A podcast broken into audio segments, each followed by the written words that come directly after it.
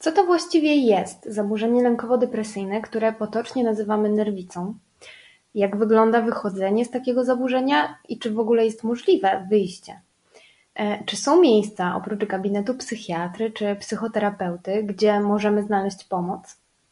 O tym i nie tylko o tym porozmawiam dzisiaj z moim gościem, jednym z administratorów grupy Bezpieczna Przystań Pomoc w nerwicy i lęku, którą odnajdziecie na Facebooku. Mój dzisiejszy rozmówca, oprócz tego, że sam przeszedł przez zaburzenie lękowo-depresyjne, to dzisiaj pomaga innym stawić mu czoła. Ja nazywam się Agata Kłos, a to jest podcast u Agaty.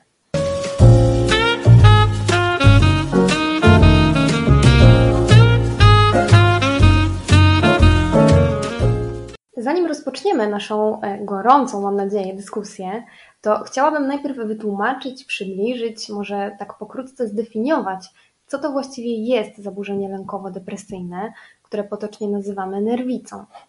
Zaburzenia lękowe to jest grupa bardzo różnorodnych zaburzeń, e, które mają wspólną genezę historyczną związaną właśnie z pojęciem nerwicy, a w ich powstawaniu, rozwoju i przebiegu bardzo istotną rolę odgrywają czynniki psychologiczne.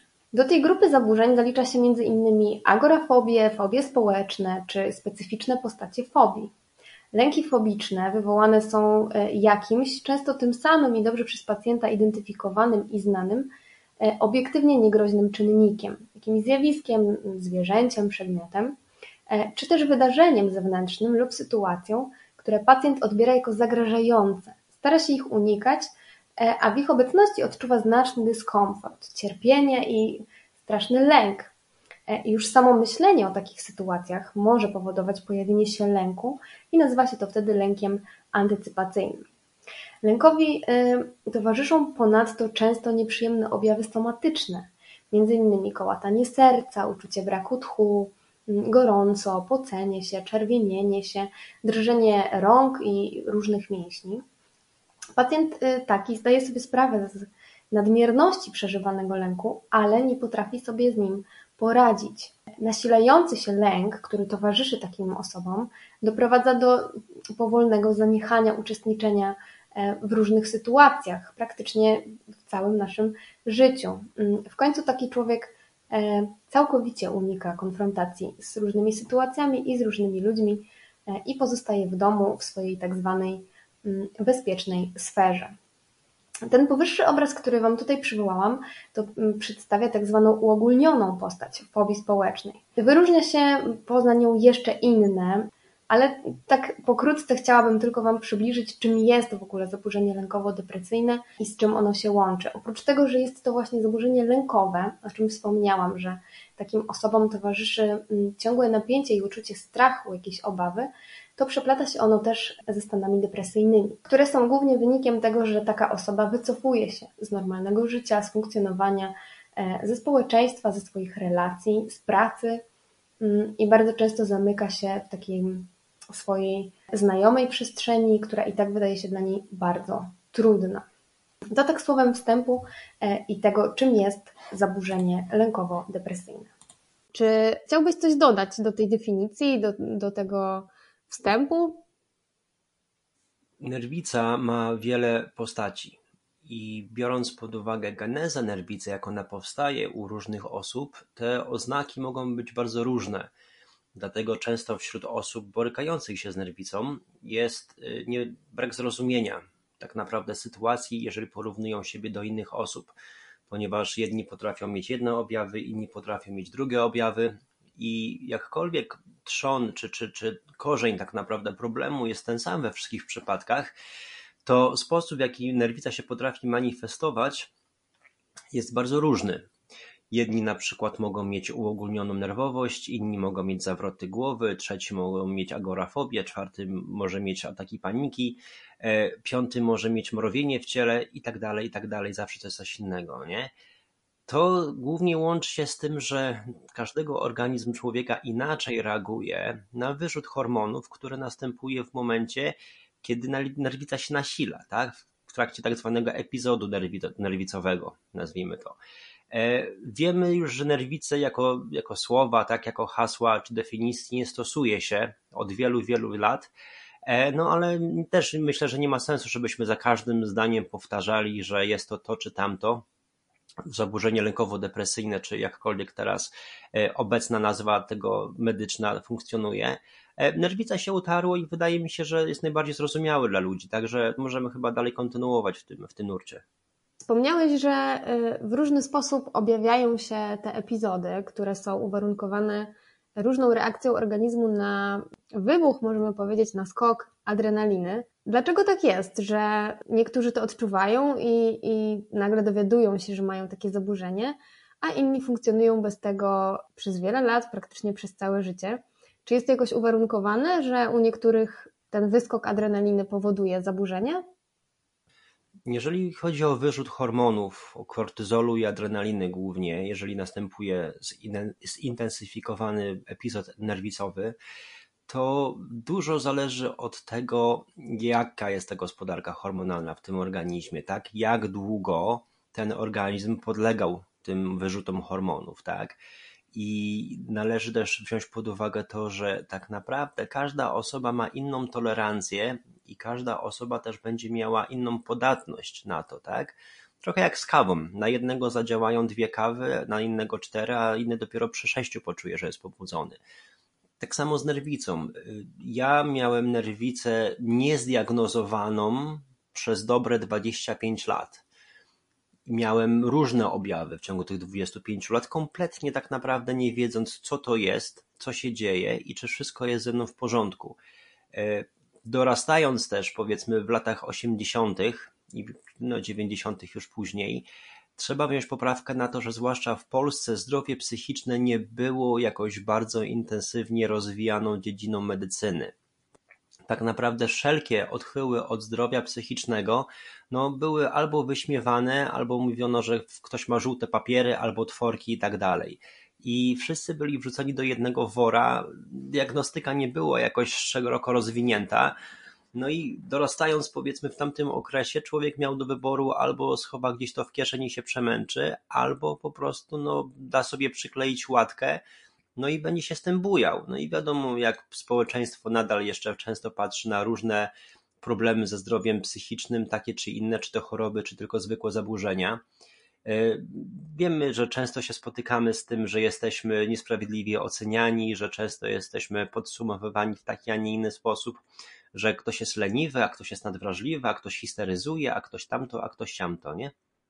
No i tak naprawdę, jeżeli chodzi o diagnostykę tego typu zaburzeń, no to nawet obecnie ciężko jest znaleźć specjalistów, którzy, nie mówię, że nie ma oczywiście, bo ja na przykład miałem szczęście na takiego trafić, ale często są na przykład problemy tego typu, że specjaliści no, nie są w stanie konkretnie przyczepić, e, że tak powiem, łatki czy diagnozy do tego, co się u pacjenta dzieje.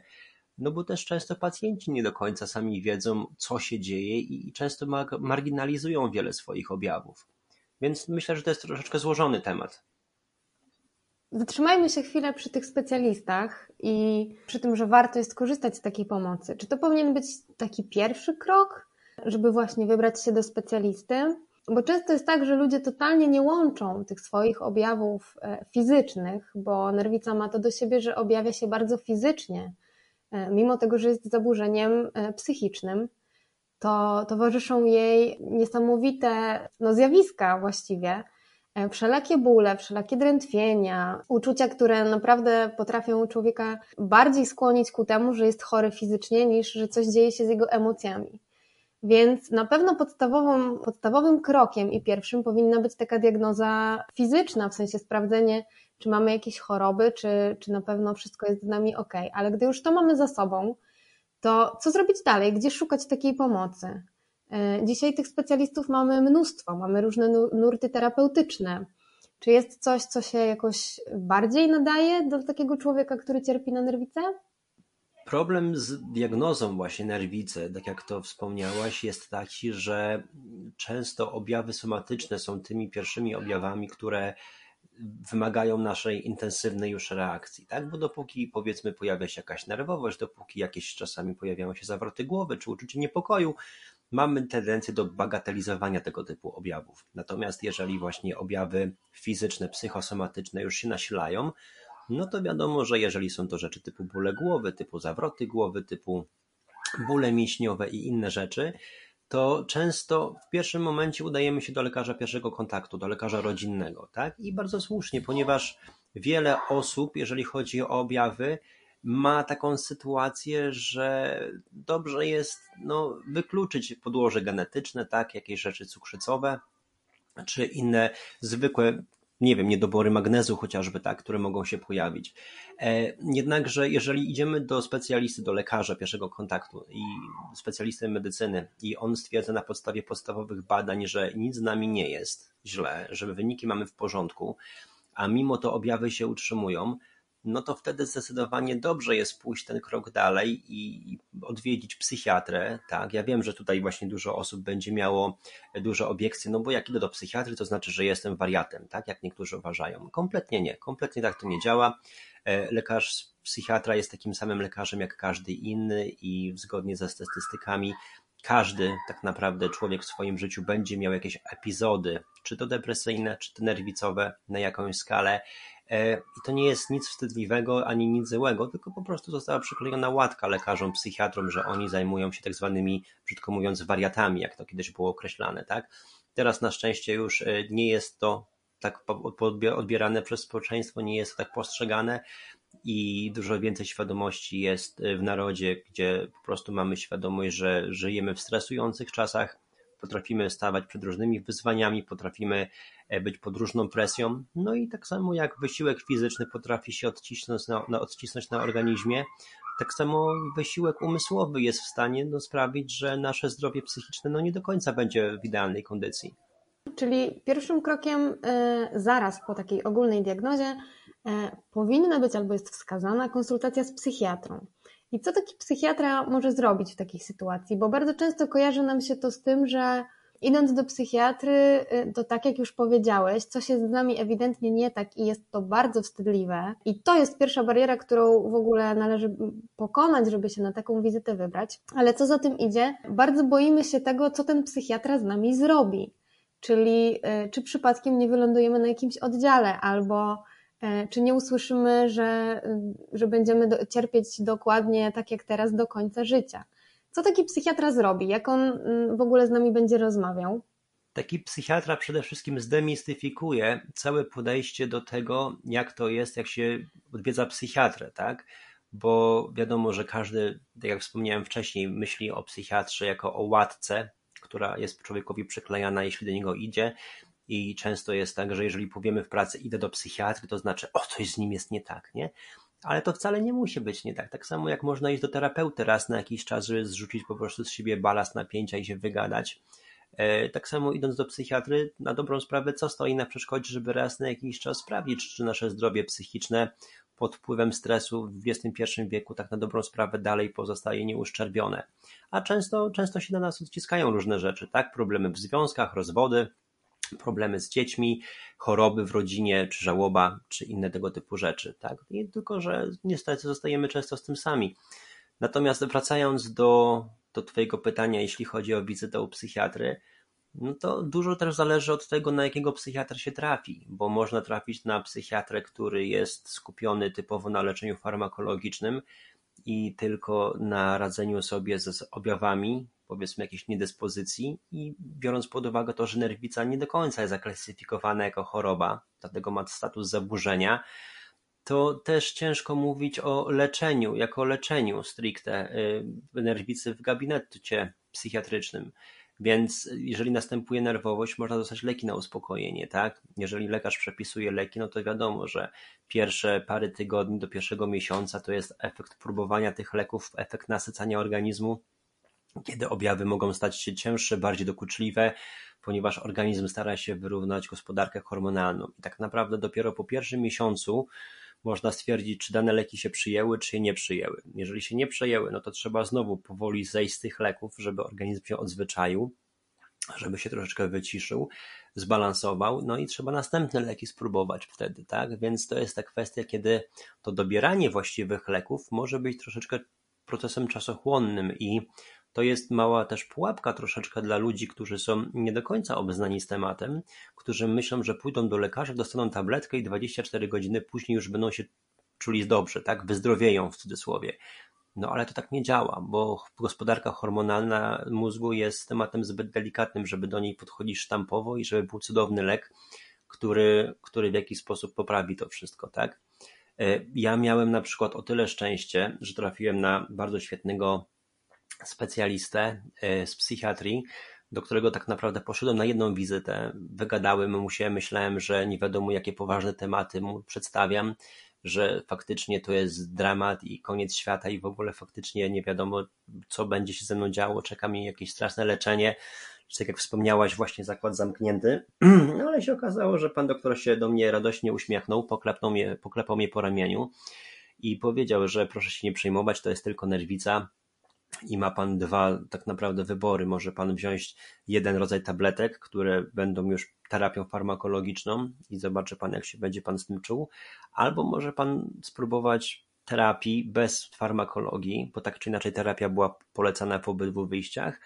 Może Pan spróbować y, samej terapii z doraźną tabletką, powiedzmy na gorsze dni i zobaczyć, jak to wtedy będzie działało. I faktycznie ja przeczytałem ulotkę wtedy do, dotyczącej, dotyczącą y, tych tabletek, które miały mnie skierować na działanie, znaczy na terapię farmakologiczną. Stwierdziłem, że nie jestem w stanie podjąć takiego ryzyka, czy, czy pójść na takie ewentualne poświęcenia.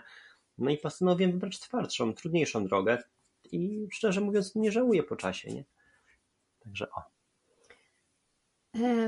Zatrzymajmy się tu na chwilę, bo myślę, że to jest też e, bardzo ważny, e, bardzo ważny moment w ogóle w naszej rozmowie. Mm, tak jak e, już ustaliliśmy, psychiatra bardzo często po prostu szuka rozwiązania farmakologicznego. No jest lekarzem, więc do jego zadań właściwie należy to, żeby w jakiś sposób nam ulżył w tym cierpieniu no lekami.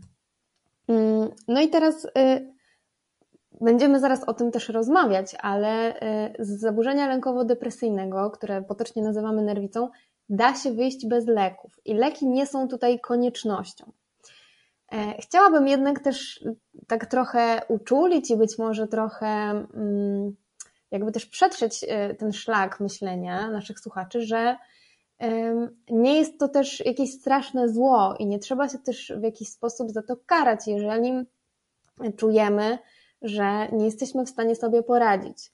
W mojej sytuacji akurat, y, gdy spotkało mnie zaburzenie lękowo-depresyjne, a właściwie jego taki szczyt, bo podejrzewam, że ono też już trwało e, dłuższy czas, no, byłam w takim stanie, w którym nie byłam skłonna, nie byłam mm, w żaden sposób nie, nie mogłam normalnie funkcjonować. Każda czynność była dla mnie straszna i powodowała kolejne e, ataki lęku i ataki paniki. Mm, I byłam bardzo dumna z siebie i bardzo zadowolona, jakkolwiek to brzmi, mm, z tego, że udałam się po pomoc do psychiatry e, i że skorzystałam z tej pomocy farmakologicznej, która pozwoliła mi faktycznie te pierwsze, najgorsze momenty przetrwać i dopiero potem zająć się tym, co tak naprawdę pod tą nerwicą się kryje. E, I do tego też zaraz sobie przejdziemy, ale e, chciałabym, żeby e, wszyscy nas też dobrze zrozumieli i żeby też jakby wyjaśnić to, że branie leków też nie jest niczym złym. I jeżeli naprawdę jest taka potrzeba i zaburzenie lękowo-depresyjne utrudnia funkcjonowanie do tego stopnia, że nie można zrobić zupełnie nic, i żadna terapia nie jest w stanie nawet się rozpocząć, bo nie jesteśmy w stanie mówić o naszych emocjach, przeżyciach i o tym, co się z nami dzieje, to leki są naprawdę dobrym wyjściem i nie jest to żaden koniec świata. Tak samo jak wizyta u psychiatry, tak samo jak wizyta u psychoterapeuty, tak samo leki są po prostu środkiem, który prowadzi do tego, żeby można było z tą nerwicą sobie poradzić. Och, rozgadałam się trochę, ale myślę, że to ważne, żeby też e, o tym mówić, bo bo to nie jest y, nic wstydliwego i nic złego, chociaż niestety jeszcze bardzo często jest tak odbierane. No dobrze, ale wróćmy trochę, zwinьmy trochę tą moją myśl. Następnym krokiem właściwie, albo jakby równoległym krokiem jest y, szukanie pomocy u terapeuty y, i, i wszelkiego rodzaju właśnie psychoterapię. Dlaczego i po co? Bo przecież powiedzieliśmy sobie o tym, że te wszystkie ataki lęku czy paniki są spowodowane naszą gospodarką hormonalną. Jak więc zatem ma się do tego w ogóle psychoterapia? O co w tym wszystkim chodzi? Trzeba byłoby tutaj podstaw zrozumienia, w jaki sposób nerwica się przejawia, ponieważ ten wyrzut adrenaliny, wyrzut kortyzolu następuje z jakiegoś powodu. Ten powód to jest tak naprawdę patologicznie wyostrzony mechanizm walcz i uciekaj, mechanizm obronny w naszym organizmie, w naszym umyśle, który postrzegając dla niego realne zagrożenie, postanawia na niego zareagować pozycją gotowości, pozycją do walki, pozycją do ucieczki, czy, czy pozycją chociażby do tego, żeby e, zamrozić się, tak, żeby po prostu odłączyć się od swojego umysłu, czy od zagrożenia i schować się w jakiś psychiczny ciepły kąt i przeczekać, aż zagrożenie minie. Jak na przykład mają niektóre ssaki na widok drapieżnika udają martwe. Więc to jest ten element, kiedy w naszym organizmie pod wpływem zagrożenia pojawia się potrzeba ucieczki obrony. Przypadku nerwicy jest to często mechanizm patologicznie wyostrzony, taki, który nam pokazuje, że powinniśmy uciekać wtedy, kiedy nie do końca sytuacja tego wymaga. Ale też to jest mechanizm ewolucyjny, który jest bardzo prostym mechanizmem, często na zasadzie włącz-wyłącz on nie do końca podlega stopniowaniu i jeżeli mamy jakieś mechanizmy wykształcone w ramach naszego umysłu, naszych doświadczeń, naszych przeżyć, które mówią nam, że ta sytuacja jest zagrożeniem, albo że obecnie w Twoim życiu pojawiają się liczne sytuacje, które potencjalnie powodują, że coś może się pojawić, albo coś może zdarzyć się nie tak, to wtedy organizm automatycznie przechodzi w ten tryb bojowy i następuje ten wyrzut. E, czyli idąc tym tokiem myślenia i słuchając też tego, co, y, co się kryje pod tymi wyrzutami hormonów, możemy wywnioskować, że mm, ta gotowość naszego organizmu, właśnie ta sytuacja, kiedy stawiamy nasze ciało e, i nasz umysł i w ogóle nas jako całość w takiej pozycji walcz i uciekaj, jest ściśle powiązana z naszymi emocjami, z naszymi przeżyciami. Pytanie więc, które jakby nasuwa się samo przez się, czy są jakieś szczególne przeżycia albo szczególne doświadczenia, które mogą sprowokować do takich e, patologii, czy po prostu zależy to od indywidualnej emocjonalności i tego, jak człowiek sobie radzi ze swoimi emocjami? Mm, czy możemy to jakoś sklasyfikować, czy niekoniecznie? Ja bym powiedział, że oba czynniki odgrywają tutaj bardzo dużą rolę i na pewno nerwica, która często jest porównywana do zespołu stresu pourazowego w wersji złożonej, ma nawet swoją własną wersję, właśnie złożony zespół stresu pourazowego. E, według źródeł brytyjskich jest statystycznie udowodnione już podczas konwencji czy podczas e, dialogu jakiegokolwiek medycznego pod tym kątem, że 75% przyczyn tak naprawdę dolegliwości na tle zdrowia psychicznego czerp, znaczy ma swoje korzenie, zaczerpuje z okresu przed 18 roku życia. To jest 75% wszystkich zjawisk. Więc jeżeli odwołamy się do człowieka w młodym wieku, który tak naprawdę kształtuje swoją psychikę, kształtuje swoją osobowość, kształtuje mechanizmy, które później bierze w życie i z którymi musi sobie radzić, to duża ilość mechanizmów nerwicowych tak naprawdę opiera się na zasadzie odruchów. I tutaj możemy przywołać nieśmiertelny eksperyment z psem Pawłowa, kiedy było zapalane światło i karmiony był piesek i ten piesek później na podstawie tego, że było światło włączane, zaczynał się ślinić, tak? Pomimo, że żadne jedzonko nie przychodziło.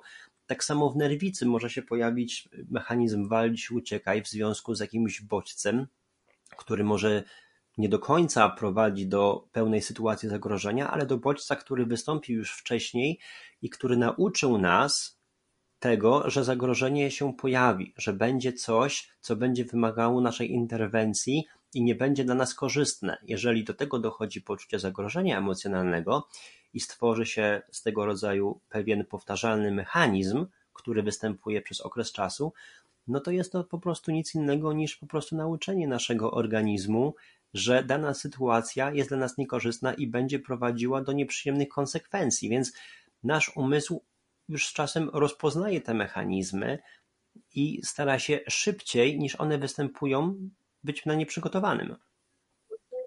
Czyli stąd właśnie biorą się wszelkiego rodzaju ataki paniki i ataki lęku. Nasze ciało, e, nasz organizm, my jako całość, próbujemy się ustawić w ten stan gotowości, wyczuwając albo przywołując sobie e, zagrożenie, które kojarzy nam się z daną sytuacją, z danymi nie wiem, ludźmi na przykład. E, I w tym momencie nasze ciało zaczyna reagować. Bardzo często są to właśnie objawy psychosomatyczne, uczucie lęku, paniki. Okej, okay, to brzmi wszystko strasznie skomplikowanie i mówiąc szczerze, gdybym choć trochę nie rozumiała tego, co to jest w ogóle zaburzenie lękowo-depresyjne, to wydawałoby mi się, że strasznie ciężko jest się z tego wydostać. Tyle różnych rzeczy, y, gospodarka hormonalna, emocje i przeżycia, szczególnie te, które y, są z okresu dziecięcego, młodzieńczego, tak, bo o tym też wspomnieliśmy. I teraz jeszcze odwrócenie wszystkich mechanizmów, czyli jakby nauczenie się siebie na nowo. To brzmi jak coś w ogóle mm, bardzo trudnego, bardzo ciężkiego do zrobienia, a wspomnieliśmy też o tym, że można wyjść z nerwicy bez żadnej pomocy y, farmakologicznej, więc już w ogóle wydaje się to straszne y, w tym sensie, że no ciężko jest sobie uświadomić, że można to zrobić. No i tutaj chciałabym znowu Cię zapytać, jak wygląda w ogóle wychodzenie z takiego zaburzenia i przede wszystkim, czy ono jest możliwe, bo bardzo często ludzie myślą, że skoro już coś takiego nas spotkało, to albo będzie towarzyszyło nam przez całe już życie, albo nawet jeśli uda nam się chociaż na chwilę wydostać z tego lęku, z tego strachu i smutku, wszystkiego, co się kryje za tym zaburzeniem, to za chwilę przyjdzie kolejny moment, którym to znowu nas dopadnie. I ludzie się tego bardzo często boją, że jest to jakiś kres, że nagle ich życie się zmieni i już nigdy nie będzie takie samo.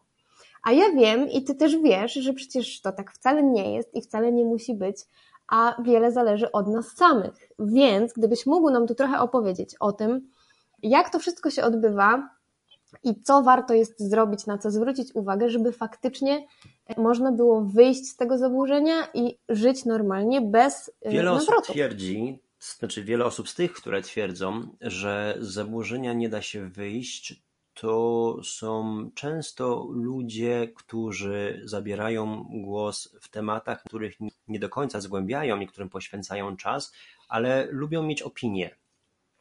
I to, że im się na przykład wydaje, że coś jest niemożliwe, oni przyjmują jako pewnik. Podobnie jak mogą stać się nagle ekspertami dotyczącymi polityki, piłki nożnej, czy chociażby konfliktów zbrojnych na Bliskim Wschodzie. To jest pozostałość też po tym mechanizmie, o którym mówiłem na początku, że my musimy wiedzieć, tak? My musimy w jakiś sposób mieć odpowiedź, my musimy pokazać, że stajemy do wysokości zadania. I tutaj bardzo pomaga, jeżeli w pierwszym momencie powiemy sobie, że nie, nie wiem, że wcale nie tak, tak nie musi być, albo to, że mi się na przykład nie udało, to nie znaczy, że nie jest to możliwe. E, na pewno nie da się poradzić sobie z zaburzeniem lękowo-depresyjnym w tydzień, ani w dwa, ponieważ mówimy tutaj o całym zbiorze mechanizmów, wyuczonych zachowań, wyuczonych reakcji, które były powielane w naszym zachowaniu przez wiele, wiele, wiele lat.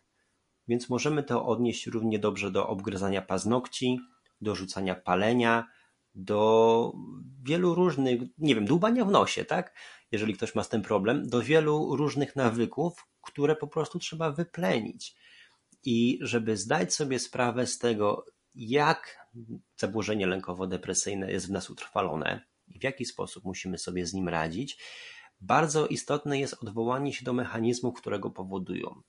Jeżeli zdamy sobie sprawę z tego, co u nas w naszym przypadku nerwice spowodowało, jaki był mechanizm, co tak naprawdę ten mechanizm obronny, bo nie zapominajmy, że mówimy o mechanizmie obronnym, co ten mechanizm obronny stara nam się przekazać i będziemy go słuchać i dostosujemy się do tego, co on nam mówi, to jest troszeczkę jak z bólem zęba. Bo jeżeli boli nas ząb, i my będziemy na to nie zwracać uwagi, albo będziemy tylko brać cały czas leki przeciwbólowe i nic z tym nie robić i będziemy tylko skupiać się na tym, że ząb boli, to na pewno nie rozwiążemy tego problemu i na pewno będziemy stwierdzać, że co bym nie robił, co bym nie robiła, to ten ból zęba wraca. Ale jeżeli pójdziemy do specjalisty, który zajmuje się zębami, w tym przypadku do stomatologa, i zobaczymy, co tam się w tym zębie dzieje, i co możemy zrobić z przyczyną tego bólu zęba, a nie tylko z samym objawem, to na pewno będzie nam dużo łatwiej z tym bólem zęba sobie poradzić, sięgając troszeczkę głębiej i wydłubując troszeczkę więcej niż tylko jeden objaw, czyli ten ból zęba. I tak jak wspomniałem wcześniej, jeżeli chodzi o diagnostykę, jeżeli chodzi o postępowanie, musimy sobie zdać sprawę z kilku rzeczy.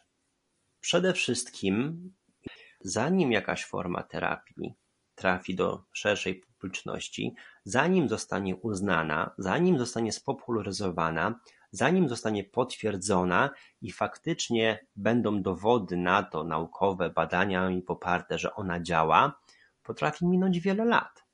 Jeżeli ona już się ugruntuje i już się pojawia jako marka, to następne pięć, siedem lat ona funkcjonuje jako marka i jako złoty środek, dopóki ktoś nie zacznie jej podważać. Tak samo tutaj. Wiedzę najlepiej jest weryfikować w praktyce i to, że ktoś kiedyś powiedział, że czegoś się nie da, to nie znaczy, że za 10 lat czegoś się nie da, ponieważ są inne sposoby patrzenia, są inne teorie, są inne terapie, są inne metody.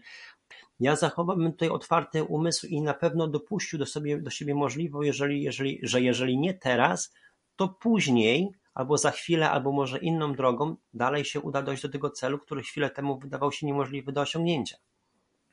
To trochę takie niekoniecznie pocieszające, że to może się wydarzyć za chwilę albo za jakiś czas, że możemy nie być gotowi w tej chwili, ale warto jest mieć tą świadomość, że y, da się z tego wyjść i że proces odburzania, bo tak się nazywa dochodzenie z nerwicy, z zaburzenia lękowo-depresyjnego, jest procesem do przejścia i można się wydostać z nerwicy na powierzchnię, która y, jest po prostu normalnym życiem i można normalnie, cokolwiek to znaczy, e, funkcjonować.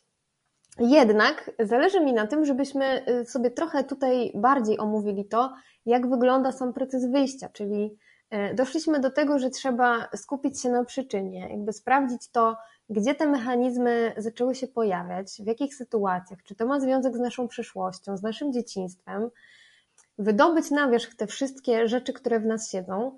No właśnie, i tu się zaczynają schody. Bardzo często ludzie mm, z zaburzeniem lękowo-depresyjnym mają problem z emocjami. W tym sensie, że zamykają jakby pewien rozdział życia, który był dla nich trudny, oddzielają go grubą kreską, mówiąc sobie, to było, minęło, teraz już będzie inaczej, będę robił coś innego, będę innym człowiekiem. Tak sobie zakładają, a okazuje się, że to, co zamknęli za tymi drzwiami, cały czas gdzieś ich ściga, chociażby dlatego, że nie pozwolili sobie na to, żeby te emocje przeżyć. I tutaj nasuwa mi się kolejne pytanie: czy długo trwa e, odkopywanie tych emocji? Bo powiedzieliśmy sobie już, że jakby proces wyjścia też nie trwa tydzień i nie trwa dwa, ale czy jest to proces, który trwa latami, czy u każdego jest to inaczej? Gdybyśmy mogli, wiesz, tak po prostu zwyczajnie ludziom powiedzieć, słuchajcie, to wygląda tak i tak, po kolei odbywa się to w ten czy inny sposób. Bo wydaje mi się, że to jest bardzo ważne, żeby w jak najprostszej formie też pokazać ludziom, że to jest możliwe i nie wiąże się koniecznie z jakimiś strasznymi pojęciami i nie jest aż tak skomplikowane, jakby się nam mogło wydawać. Chociaż zaznaczam, że nie jest proste. Wyjście z zaburzenia, które jest u swojej tak naprawdę podstawy zaburzeniem emocjonalnym, bardziej niż zaburzeniem umysłowym, polega na tym, że wykształcają się w nas mechanizmy obronne z powodu sytuacji, które wystąpiły, często z powodu traum. I teraz pytanie jest, czy ciężko jest pracować z traumą?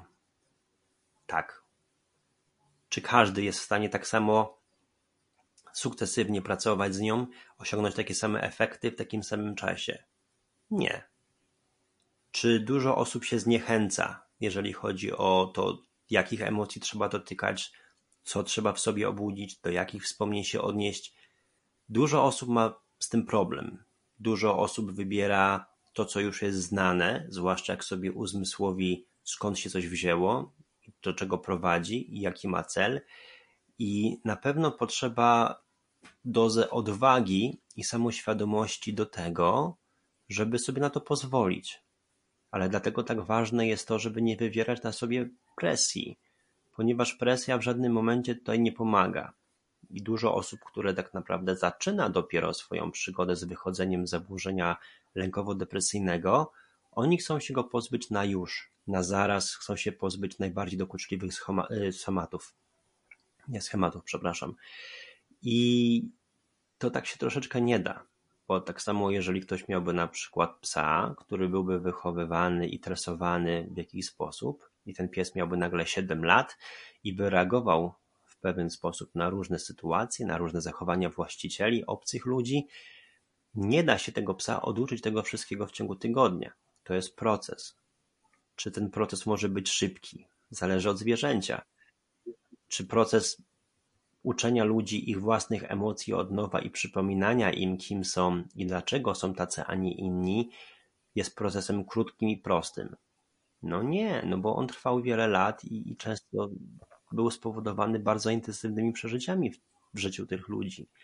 Więc jakkolwiek jest to możliwe, jest to osiągalne, potrafi być to czasochłonne. I to też nie jest tak, że ktoś sobie nagle uzmysłowi, skąd się wzięło zaburzenie i już wszystko będzie ok. To jest dopiero początek drogi, to jest dopiero dotarcie do źródła problemu. Tak samo jak kogoś boli noga i nie wie czemu go boli, nagle pójdzie na rentgen i zrobić rentgen, zdjęcie rentgenowskie i się okaże, że ta kość jest złamana, tak? Bo, bo się uderzył i kawałek kości się odszczepił. No i w tym momencie, okej, no wiemy, że ta kość jest złamana, no ale co dalej? Przecież od samego zrobienia zdjęcia rentgenowskiego ta noga się nagle nie zrośnie, ta kość się nie zrośnie i problem nie minie, tak? Więc trzeba zadbać o tę nogę. I tak samo jest tutaj. Trzeba poświęcić czas, trzeba poświęcić troszeczkę wysiłku, trzeba troszeczkę odwagi do tego, żeby zmierzyć się z, nazwijmy to szumnie, tak, duchami swojej przeszłości, żeby ten problem rozwiązać, ale samo odkrycie problemu bez jego rozwiązywania niewiele nam pomoże. I tutaj świetnie nam się wplata to, o czym też powiedzieliśmy, e, że warto jest w tych momentach korzystać właśnie z terapii, z pomocy psychoterapeutów, którzy pomogą nam się zmierzyć z tymi wszystkimi traumami, doświadczeniami, naszymi emocjami, tym, co chowamy w sobie przez lata, czasami nawet o tym nie wiedząc, i to właśnie dzięki nim bardzo często jesteśmy w stanie dojść do tych naszych przyczyn zaburzenia, zmienić trochę y, myślenie o nich, zmienić myślenie o nas samych i powoli, powoli odwracać te nasze mechanizmy i budować na nowo nawyki, na nowo własną samoocenę, poczucie wartości, poczucie bezpieczeństwa. I mogłabym tu wymieniać jeszcze bardzo długo, bo wiele składowych ma ta nasza nerwica, ale też nie o to chodzi. W każdym razie podsumowując sobie y, tą część naszej rozmowy, to warto jest się udać po pomoc, e, gdy tylko stwierdzicie, że, że coś się dzieje i że nie jest to w żaden sposób e, powiązane z jakąś chorobą, jeśli sprawdzicie to u lekarza. Warto jest udać się po pomoc do psychiatry bądź do psychoterapeuty albo do obu z tych specjalistów i nie bać się tego, że coś jest z wami nie tak albo że coś się, coś się dzieje.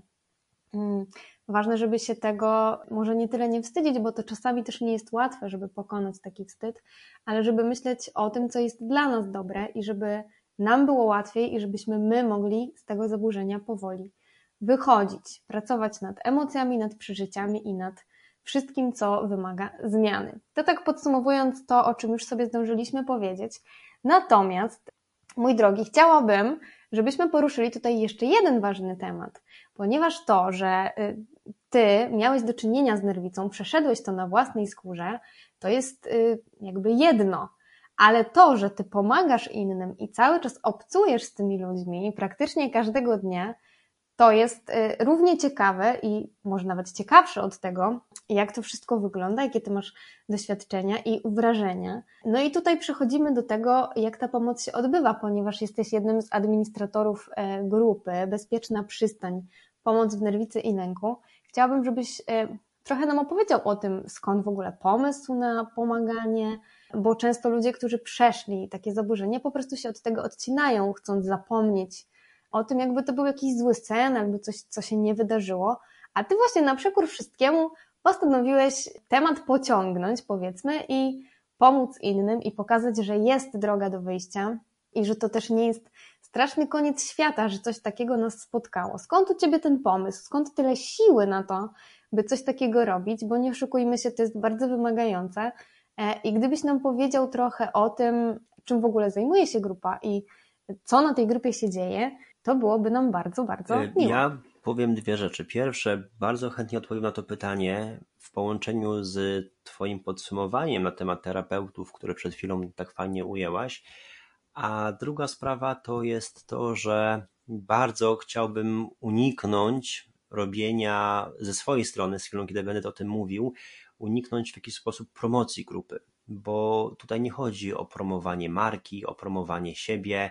Dlatego ja też, czy w mediach społecznościowych, czy gdzieś indziej staram się występować w miarę incognito, bo nie chodzi tutaj o budowanie całej otoczki wokół tego, ale chodzi tylko i wyłącznie o pomoc ludziom i o pomoc ludziom, którzy faktycznie tego potrzebują i którzy chcą coś zmienić w swoim życiu. Tutaj właśnie to jest odpowiedź na to, dlaczego i o co chodzi z tymi terapiami. Tak jak mówiłaś, warto się udać do specjalisty.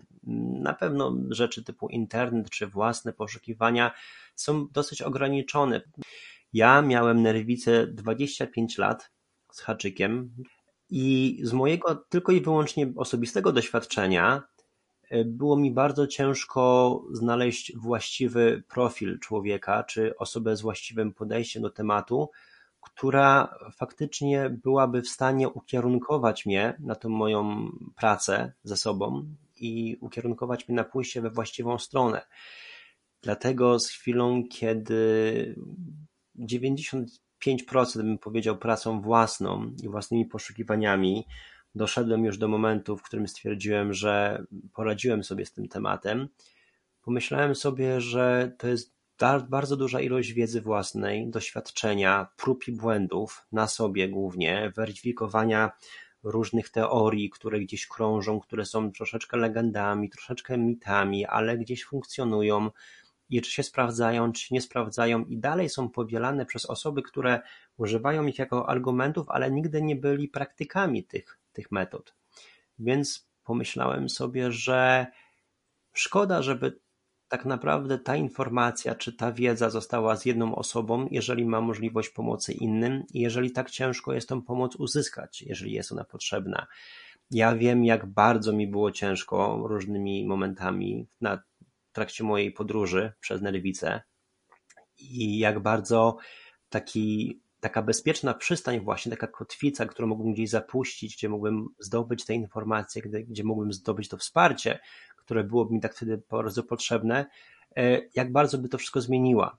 I dlatego po jakimś namyśle i po własnej powiedzmy aktywności na innych grupach, gdzie nie do końca może moja, moja, moje widzenie było zbieżne z polityką tamtych grup, stwierdziłem, że jeżeli chcę zrobić coś dobrego, to najlepiej, jeżeli zrobię to tak, jak ja chciałbym to przedstawić.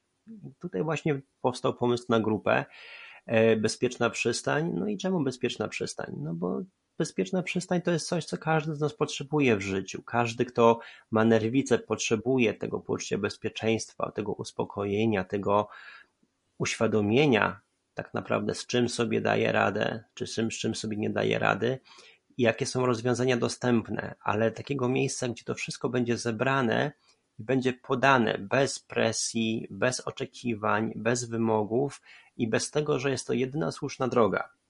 My na grupie naszej, którą, której poświęcamy dużo czasu i dużo energii, my staramy się dosyć otwarty umysł zastosować i zachować. My nigdy nie mówimy, że jeżeli coś działa dla ciebie, to nie działa dla kogoś innego, więc to jest niedobre, albo nie wolno tego, czy nie wolno tamtego.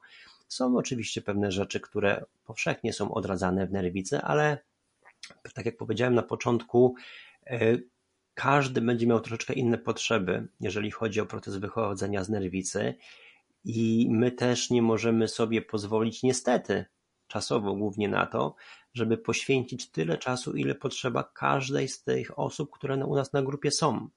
My jesteśmy w stanie ich pokierować, my jesteśmy w stanie zasugerować im, czy, czy poddać pewne wskazówki pod rozwagę, ale to jest tylko bezpieczna przystań pod tym względem, że ci ludzie mogą do nas przyjść, sobie przycupnąć, zebrać troszeczkę inspiracji, zobaczyć jakie są możliwości, ale dalsza podróż zależy już od nich. Więc tak, może na się pojawić, można zadawać pytania, można uzyskać wsparcie, ale nie jest to typ grupy, która da odpowiedzi na wszystko, albo rozwiąże wszystkie pytania, albo zawsze ktoś będzie potwierdzał, albo brzydko mówiąc, klepał po plecach, kiedy jest to potrzebne, bo jest to fizycznie niewykonalne. I wydaje mi się, chyba w dużej mierze oddaje politykę czy, czy podejście mojej i administracji do, do działań, które podejmujemy na grupie. I staramy się jak możemy wykonujemy to w miarę możliwości i okoliczności, które na to pozwalają. Wydaje nam się, że z całkiem niezłym rezultatem. No i mam nadzieję, że uda nam się to kontynuować dalej.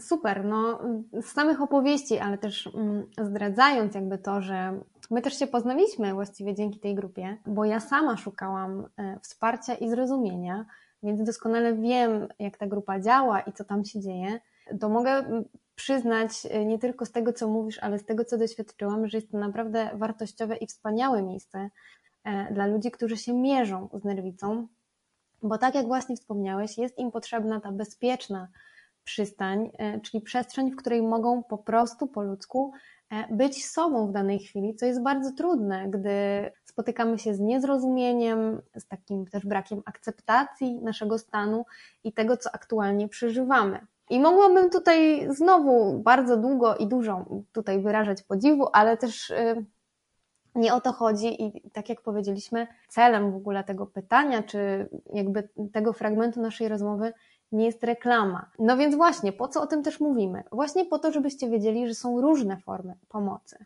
że mm, terapia zawsze jest taką jakby bezpieczną furtką, bardzo też polecaną i y, wydaje mi się, że niezbędną, jeśli chodzi o łączenie wychodzenia z nerwicy przy środkach farmakologicznych, bo tu jest już ważne, żeby w miarę szybko też nauczyć się mm, oswajać z tym, co się dzieje i jakby ten proces jest już też bardzo zaawansowany, jeżeli też potrzebujemy tych leków.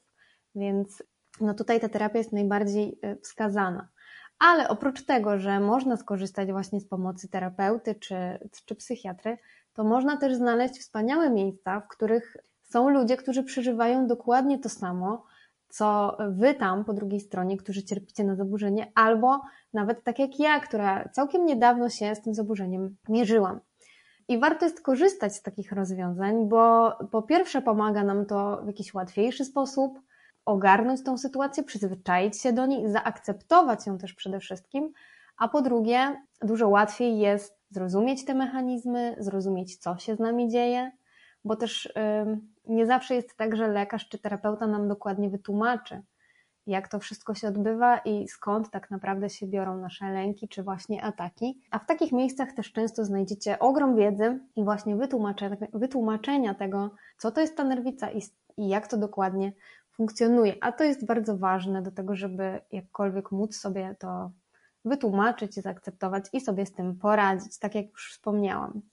Chciałabym jeszcze zapytać o jedną rzecz, bo wiesz, ja zauważyłam też coś takiego, już też o tym wspomnieliśmy, że mm, faktycznie całkiem niedawno, bo te nawet 10, e, nie wiem, 20 czy kilkanaście lat temu, zaburzenia psychiczne były odbierane przez społeczeństwo jako coś takiego no, nie do zaakceptowania.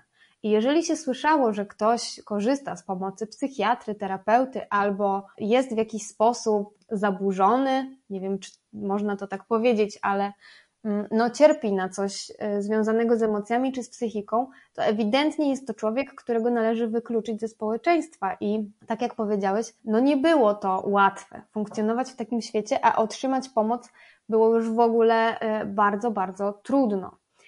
No i teraz um, zastanawiam się, czy to jest tak, że dzisiaj po prostu trochę więcej o tym mówimy, albo trochę łatwiej jest tą pomoc może uzyskać. Może to jest też jakby zasługa czasów i tego, że w mediach społecznościowych się roi od różnych właśnie grup, profili, ludzi, którzy otwarcie mówią o tym, że przeszli różne rzeczy albo że korzystają z takiej, a nie innej pomocy. I dlatego okazuje się, że dużo osób cierpi na wszelakie zaburzenia, czy bardziej jest to wynik tego, że coraz mniej jakby radzimy sobie ze stresem i z emocjami? Nie do końca wiem, powiem Ci szczerze, w którą stronę się skłaniać, bo jakby też jedno nie wyklucza drugiego, Ale z tego, co ty obserwujesz, czy to bardziej chodzi o to, że to jest coraz bardziej popularne w sensie mówienia i akceptowania tego, czy po prostu coraz mniej umiemy sobie radzić z tym, co nas spotyka? Jeżeli chodzi o zdrowie psychiczne, wiele rzeczy nie wypadało kiedyś. E, teraz ludzie się czują troszeczkę bardziej swobodnie, zwłaszcza dzięki anonimowości w internecie. Na pewno to w duży sposób pomaga. E, na pewno warto jest spojrzeć na statystyki i zobaczyć, że dużo więcej kobiet oficjalnie męczy się, czy, czy w jakiś sposób stawia czoło nerwicy, e, mniej facetów. Ale teraz, czy to są prawdziwe statystyki, czy po prostu mężczyźni tego nie bagatelizują, czy być może się nie przyznają, czy być może dalej mamy oczekiwanie w społeczeństwie w stosunku do tego, jaki mężczyzna powinien być, czyli ma być zaradny, ma pracować, ma nie zwracać uwagi na emocje, w cudzysłowie na głupoty, ma wziąć się w garść i ma po prostu wykonać pracę zadaniową, która jest mu przykazana. No ale z drugiej strony, no, ilość osób, które, że tak powiem, starają się radzić sobie ze swoimi problemami emocjonalnymi z środkami takimi jak alkohol, czy dopalacze, czy różnego rodzaju inne nie do końca legalne używki, no też jest dużo wyższa. Tylko, że to jest element, który, jeżeli chodzi o społeczeństwo, ma większy poziom akceptacji, bo gdzieś mimo wszystko w świadomości jest to, że no facetowi można bardziej wytłumaczyć na przykład to, czy można bardziej faceta wytłumaczyć pod tym względem, że on ma zwiększoną konsumpcję alkoholu. No i tutaj też rzadko ktoś tak naprawdę będzie się zastanawiał, czy wchodził w ten temat i z nim rozmawiał, a dlaczego? Tylko no zostawiane jest to samemu sobie, nie? Tak samo jeżeli chodzi o kobiety, no kobiety miały mniejsze, nazwijmy to przyzwolenie społeczne na na leczenie powiedzmy swoich problemów alkoholem, bo odpowiedzialność, bo dzieci, bo głowa domu, bo obowiązki i tak dalej, a później też emancypacja, praca i to wszystko. I kobiety były bardziej poddawane surowemu osądowi moralnemu niż mężczyźni. Także na pewno czasy się zmieniają, na pewno świadomość społeczna się zmienia, na pewno podejście i normy moralno-kulturowe się zmieniają. Czy my się zmieniamy jako ludzie?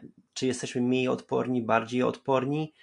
Wydaje mi się, że dopiero jak będziemy mieli dostęp do pełnych statystyk, które będą szczere, które będą prawdomówne, które będą oddawały to, jak faktycznie ta sytuacja wygląda na świecie i kto się z tym zmaga i w jaki sposób, dopiero wtedy, ewentualnie rzutując tymi danymi na historię, będziemy w stanie stwierdzić, w jakim jesteśmy stanie i, i w jaki sposób to wszystko wygląda. Więc wydaje mi się, że obserwacją i świadomością tego, na co patrzymy i z czym sobie radzimy, i też, co jest często ważne w nerwicy, odwołując się do doświadczeń wcześniejszych, naszych własnych, naszych rodziców, naszych dziadków, jeśli jeszcze żyją, możemy powyciągać bardzo fajnych dużo wniosków, jeśli chodzi o zależności, które funkcjonują chociażby w obrębie rodzin. Czyli pomijając właśnie to, że, że te tendencje mogą być wzrostowe albo nie muszą, warto by było jakby zakończyć naszą rozmowę i uświadomić jeszcze raz naszych słuchaczy, że niezależnie od tego, czy to jest coraz bardziej popularne, czy nie, warto jest się sobie przyglądać i się, i się samemu obserwować też w jakiś sposób. Zwracać uwagę na to, jak się czujemy, jak przeżywamy różne rzeczy, jak sobie radzimy z codziennością. I na pewno w jakiś sposób uda nam się, jeśli nie zapobiec zaburzeniom, to chociaż w odpowiednim momencie zareagować i po prostu sobie ulżyć i jakkolwiek poukładać tą naszą emocjonalność, wrażliwość, to z czym sobie nie radzimy, albo po prostu uzyskać wsparcie, które też jest niesamowicie potrzebne.